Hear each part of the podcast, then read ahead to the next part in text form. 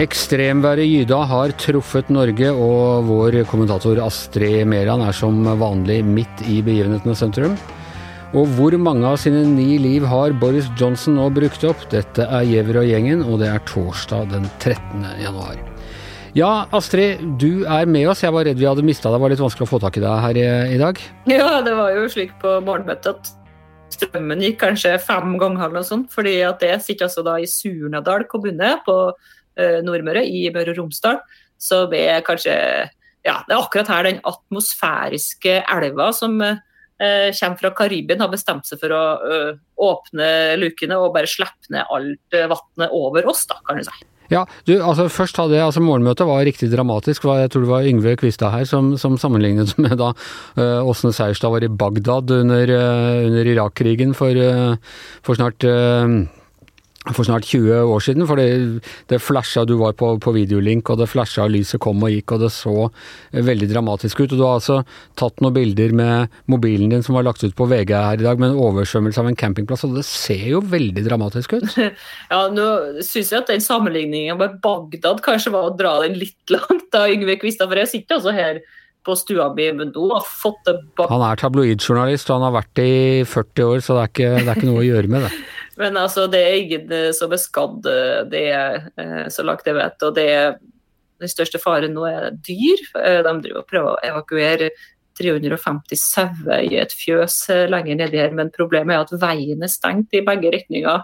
Sånn at akkurat nå så er jeg ja, jeg stuck her i Møre og Romsdal. Jeg kommer ikke med til Oslo uansett hva som skjer akkurat nå, fordi at eh, veien er stengt. Eh, Rasa ut og gått i stykker rett og slett, eh, nordover til Trondheim, og så er den stengt eh, sørover òg. Sånn at her er vi eh, midt i en øy. da, eh, Rundt oss er det gyder overalt. Det regner og elva som er ja, noen få hundre meter lenger ned her, som vi sitter og ser på nå, den har altså stiget flere meter i løpet av natta. Det var jo 15 minusgrader, og vi var ute og gikk på ski eh, sist nå på torsdag, så naturen må jo ha fått et, temmelig stort sjokk når det plutselig regna like mye på et døgn som det bruker å regne på en måned. Og det er blitt eh, mange plussgrader. og Hva skal vi gjøre av alt det regnet, og ikke minst all den snøen som smelter. Ja, øh, og Apropos det du nevnte, altså en atmosfærisk elv. og det, For meg høres det ut som om det er klimakatastrofen som har, har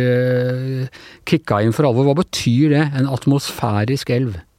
Jeg vet du hva, Anders, jeg har mest ikke rocke og, og googla det en gang. Eh, men eh, Hans Petter Sjøli, vår kollega, sa på morgenmøtet i dag at atmosfæriske elver det skjer stadig vekk. Det er ikke et uvanlig værfenomen, men de pleier å holde seg litt høyere opp og ikke bestemme seg for å slippe ned alt regnet på oss eh, på ett døgn, sånn som sånn som det har skjedd her nå. Altså, det er jo ganske ekstremt. Det er liksom sånn når du går rundt begynner å på om, eh, om elva og alle bekkene eh, kommer til å gå over veien overalt her, og at det blir stengt. Og, uh, det er helt sikkert mange som får vann, i hvert fall i kjellerne sine. og Uh, sikkert i fjøsa sine. Ja, og den campingplassen du jo la ut bilde av, nå, det er vel ikke kjellere på disse campinghyttene, men, men, den sto jo, altså der sto jo campinghyttene bare og, og, med vann til knes, holdt jeg på å si, eller i hvert fall til denne trammen. Ja, det er jo campingvogner ytterst der, og de eh, så ut som de eh, sto i fare for å bli tatt av elva. Eh, og campinghyttene litt lenger bak der, de er helt sikkert helt ødelagt eller full av vann. Altså, den elva den har bare økt og økt og økt i størrelse. Sånn at det er jo litt spennende framover, fordi at det skal visst peak da, i løpet av dagen. Det blir jo liksom ikke Eh, og likere været. Det regner fortsatt, og elva eh, er i hvert fall ikke bortsett noe mindre. sånn at eh, vi får se. Det går jo jordras rundt der. Skolen er jo stengt. Ungene er kommet hjem fra skolen. De mister jo strømmen, dem òg. Og veien ble jo stengt, og barnehagen er stengt, og i det hele tatt. Jeg kan ikke la være å spørre deg om en annen ting som du da har syslet mye med den siste tiden. Når det kommer så mye vann, Betyr det, Har det noe å si for strømprisene? ja, det blir jo lavere strømpriser da, fordi at uh, magasinene fylles jo opp. Men det er jo dere der sør Anders, som sliter med strømprisene primært. våre slik i i høst og i vinter da, at Midt-Norge og Nord-Norge, de som bor sør, nord for Dovre, har jo hatt lav, ganske lav strømpris, men det, mens det for, sør for Dovre det har vært, høye priser. og Det skulle jo vært slik at dere kunne tatt litt av den gyda i de kraftmagasinene dere lenger sør, og fylt opp dem, i stedet for at de Eh, kommer og fyller opp enda mer her, så det hjelper ikke så godt eh, nede i Oslo-området, tenker jeg. Nei, det har jeg alltid sagt. Dere ute i distriktene, dere aner ikke hvordan det er å bo her i eh, det sentrale østlandsområdet hvor alle verdiene skapes og vi er utsatt for disse forferdelige Nei, ok, jeg skal ikke drive den der for langt i dag eh, sa til meg meteorologen på NRK at det var en deilig fønvind på Østlandet, og det var litt sol. og da holdt det nesten på å skru av radioen. Ja, det er verdt noen kroner per kilowattime det, det å, å, slippe det, å slippe gidda. Men ok, Astrid, men du må, du må være forsiktig der. Og så håper vi at, at forholdene bedrer seg, sånn at du er tilbake i caffè latte-bobla kanskje neste uke. Ja, nei, Det tar jeg sikte på at det blir denne uka her at jeg kommer tilbake i den bobla. Så det går bra. det her. Jeg ikke noe eh, fare for folk. Vi har kontroll. Det er masse folk som er ute og jobber, sikrer veien, passer på at eh, dyr blir evakuert osv. Så, videre, så jeg håper på det beste. Ok, eh, takk skal du ha, og, og, vær forsiktig Astrid. Og Da skal vi tilbake til et av våre gamle favoritt- og evig tilbakevendende temaer. Et tema som jeg må si, eh, et tema som egentlig på samme måte som Trump, og som samme måte som vi hjemsøkes av eh, det herrens året 2016, er en regelmessig eh, slager her i denne podkasten. Yngve Kvistad, vi satt her like før jul og snakket om Boris Johnson, og snakket da om Partygate. Og så skulle jeg google da bare litt for å finne ut akkurat hva, hva vi sa da, men så sa jeg det heter jo Partygate fremdeles, men det er en ny Partygate? Det er en ny Partygate. Nå eh, dreier det seg om en uh, ny avsløring av enda en fest. Dette er da en hagefest som har funnet sted i uh, hagen til Downing Street uh, 20. mai 2020. For det forrige var en julefest? Det var en julefest. Og så bare før vi snakker mer om det. Boris Johnsen har jo da beklaget, eller har han det? Hør på dette her. Mr. Speaker, I want to apologize. I know that millions of people across this country have made extraordinary sacrifices over the last 18 months. I know the anguish that they have been through, unable to mourn their relatives, unable to live their lives as they want, or to do the things they love. I'm sorry that you're so easily offended, er det, ikke, er det ikke det man pleier å si? Jo, altså det her er jo en eh, type uh, unnskyldning av den altså Jeg beklager hvis du føler deg støtt. Selv om jeg ikke har gjort noe galt, så beklager jeg. Ja, dette er ikke en oppriktig unnskyldning fra en mann som uh, opplever at han har gjort noe galt uh, sjøl. Det, det, han beklager, det er jo noe, noen, det noen andre har gjort sjøl, så har han jo ikke gjort noe annet enn å, enn å ikke intervenert. Han skjønte ikke at det var fest? Nei, han skjønte ikke at det var fest. Dette var jo et arbeidsmøte, ifølge han. Altså, han hadde nok en slags cunning plan da han kom til Underhuset i går og, og skulle be om unnskyldning og prøve å komme både opposisjonen i forkjøpet og kritikerne i, i eget parti. Men uh, den beklagelse han kom med, er jo egentlig bare en beklagelse over for hvordan det ser ut, og strengt tatt bare en beklagelse for at han ble avslørt. Og vi hørte jo da fra Underhuset i går, de er, de er ikke nådige opposisjonspolitikerne når de går løs på, på, statsministeren på den måten? Nei, og det er to ting som er interessant med det. Det ene er jo, er jo angrepene fra opposisjon. Det andre er tausheten fra Tory-sida. Altså, det var ingen, ingen ledende Tory-politikere som i går gikk ut og forsvarte en uh, i, i, dette trøbbelet som han nå har satt seg sjøl i. Og Det er også interessant at, at uh, Keir Starmer, altså uh, Labour-lederen, opposisjonslederen Dette er altså første gangen han ber statsministeren om å gå av. I, uh, helt siden han sjøl ble, ble opposisjonsleder.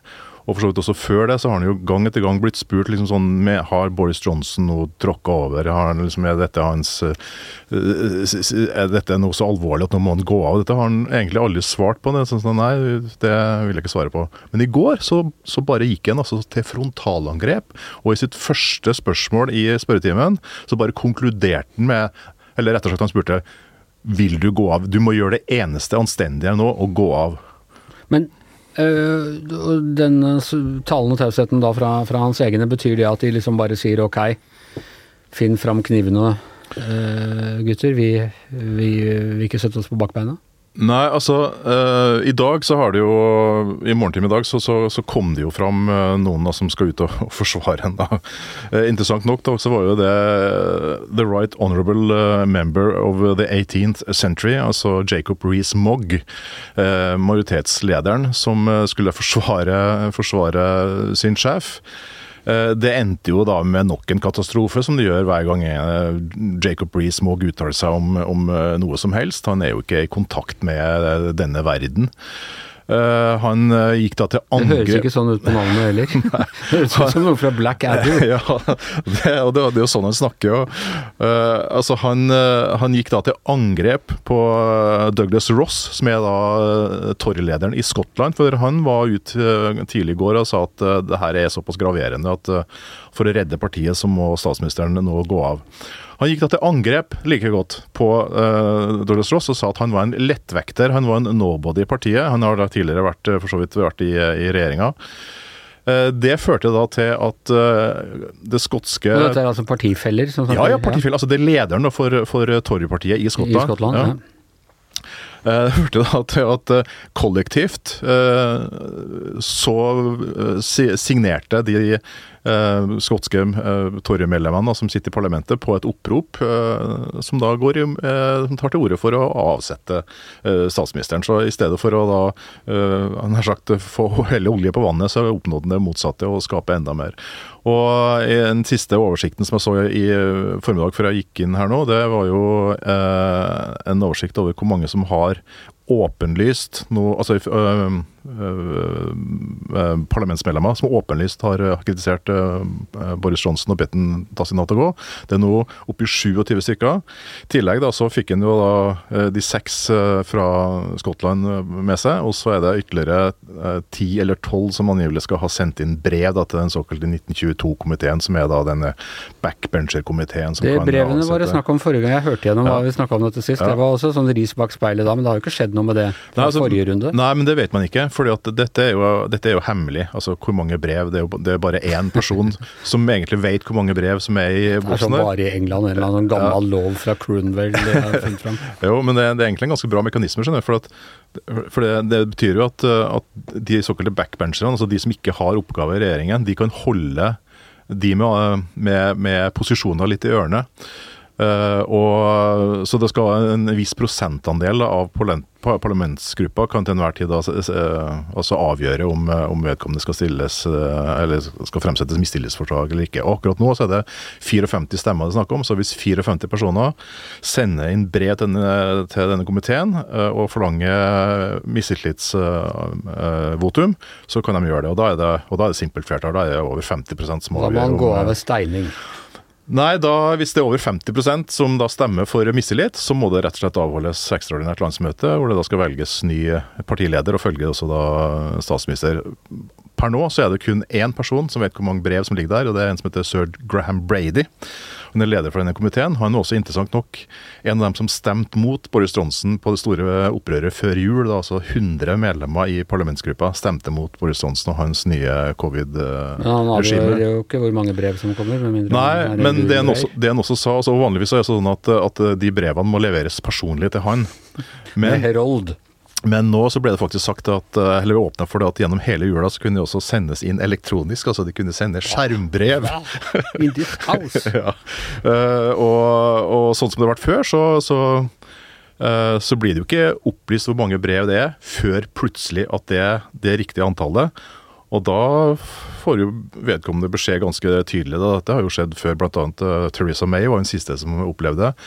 Plutselig så var det flertall for å stille mistillitsforslag, men da, da var det ikke flertall i gruppa for, uh, for uh, endelig mistillit. Da. Ja, jeg får litt Harry Potter-vibber her, men, men Ja, det, er, sånn, det er litt sånn, sånn Vårt, Du vet Voldemort han holdt det i flere bøker enn det vi hadde trodd. Ja, men du husker jo da vi var i, på besøk i, i parlamentsbygningen. Det er jo litt sånn uh, Galtvort. det er definitivt sterkt eller, eller, eller omvendt. Men altså, ja, litt déjà vu også. Jeg gikk tilbake og sjekka for, for å se hva vi spådde forrige gang. Ja. Og på slutten så sa du at du, du ville ikke vedde på at han var, hadde gått av før påske, og du har jo fortsatt, har jo fortsatt en stund til påske, så han rekker et par partyskandaler til.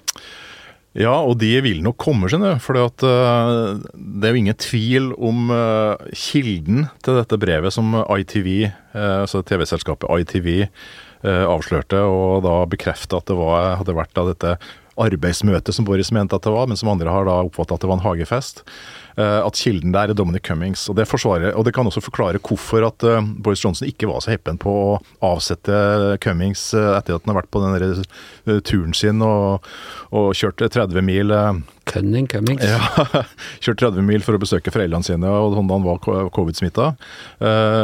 Boris, vel vitende om at han bare noen dager i forveien hadde hatt dette hagepartiet, så han, han, det var jo veldig mange som lurte på hvorfor verden han var så opptatt av å, å forsvare Cummings på, på det tidspunktet der men det kan jo ha sin forklaring nå, da. Og alle de avsløringene som har vært, har kommet etter at eh, Dominic Cummings enten har lagt ut ting på bloggen sin, eller har, uh, har tipsa noen, eller har sagt at han uh, vet om noe som har foregått i saken. At han sitter med bilder, han sitter med uh, WhatsApp, altså sånne tekstmeldinger. Han, kjenner til veldig mye som har foregått i, i, Downing Street. og ja, de fleste som Brevugler òg, tenker jeg. Ja, men de fleste som, som, følger med på dette, de antar at uh, dette er en, han driver en bevisst porsjonering ut av, av, av, av, den type avsløringer for å kunne endelig knekke Boris Johnson etter at de nå har blitt uh, blodige uvenner, da. Ja. Så hva, som skjer videre, vet ikke. Altså, nå er jo hele Nå har jo Boris Johnson egentlig lagt sin skjebne i hendene på, på som heter Susan Gray, som er en sånn super, uh, superveteran uh, byråkrat i, i, Whitehall, altså i regjeringssystemet. Hun har vært uh, ekspedisjonssjef og departementsråd, departementsråd på statsministerens kontor. Hun er en sånn Uh, ja, hun er en dame som har oversikt over det meste. Hun skulle da undersøke denne saken. Altså, vi skal nå da ha intervjue alle som har vært til stede på den hagefesten, da, for å finne ut om det var eh, et eh, Var det party eller var det ja, seminar? Om, om det Grensene var, kan være flytende. Det nemlig, her fra huset. Ikke sant. Og han skal da finne ut om, eh, eller hun skal da finne ut om det, det ble invitert om det var en, en hagefest, da, som de deltakerne mener, eller om at det var et arbeidsmøte, da, som Boris Johnson uh, hevder. da, Som var da bl.a. å stille spørsmål da er det da vanlig kutyme i Downing Street å innkalle et arbeidsmøte og be deltakerne deltakerne ta med sitt eget eh, brennevin. Det, det vil jo tiden vise, da. Ja, tiden vil vise. Vi skal sitte her igjen vi og dra gamle sånne Det er et av de få, få folkeslagene og kulturer man fortsatt kan gjøre litt narr av, den, den britiske. Så det Ja, det er, det er litt grense der òg. er det det? Ja, det begynner å bli litt vanskelig der og da. Det gjør det. Man ja. kan ikke dra Harry Potter og Black Adder-vitser og sånne ting. Nei, altså Harry Potter er jo vanskelig pga. Uh, Rollings og saken. Og ja, ja, stemmer det. Sånn, der, der, hun ble ikke engang invitert til Ja, for jeg fikk sånn Mary Pop, Nå skal Mary Poppins avgjøre dette her.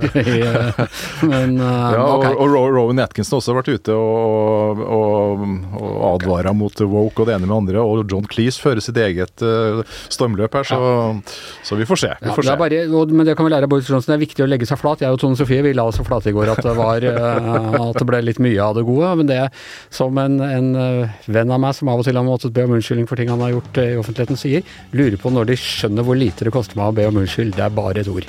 Ok, med det så, så er Giæver og gjengen over for i dag. I stormens øye, Astrid Mæland, her trygt og godt i et varmt og komfortabelt studio i Akersgata. Yngve Kvistad og Anders Giæver, og mannen som behandler ethvert seminar som en fest, men aldri omvendt, er som vanlig vår produsent Magne Antonsen.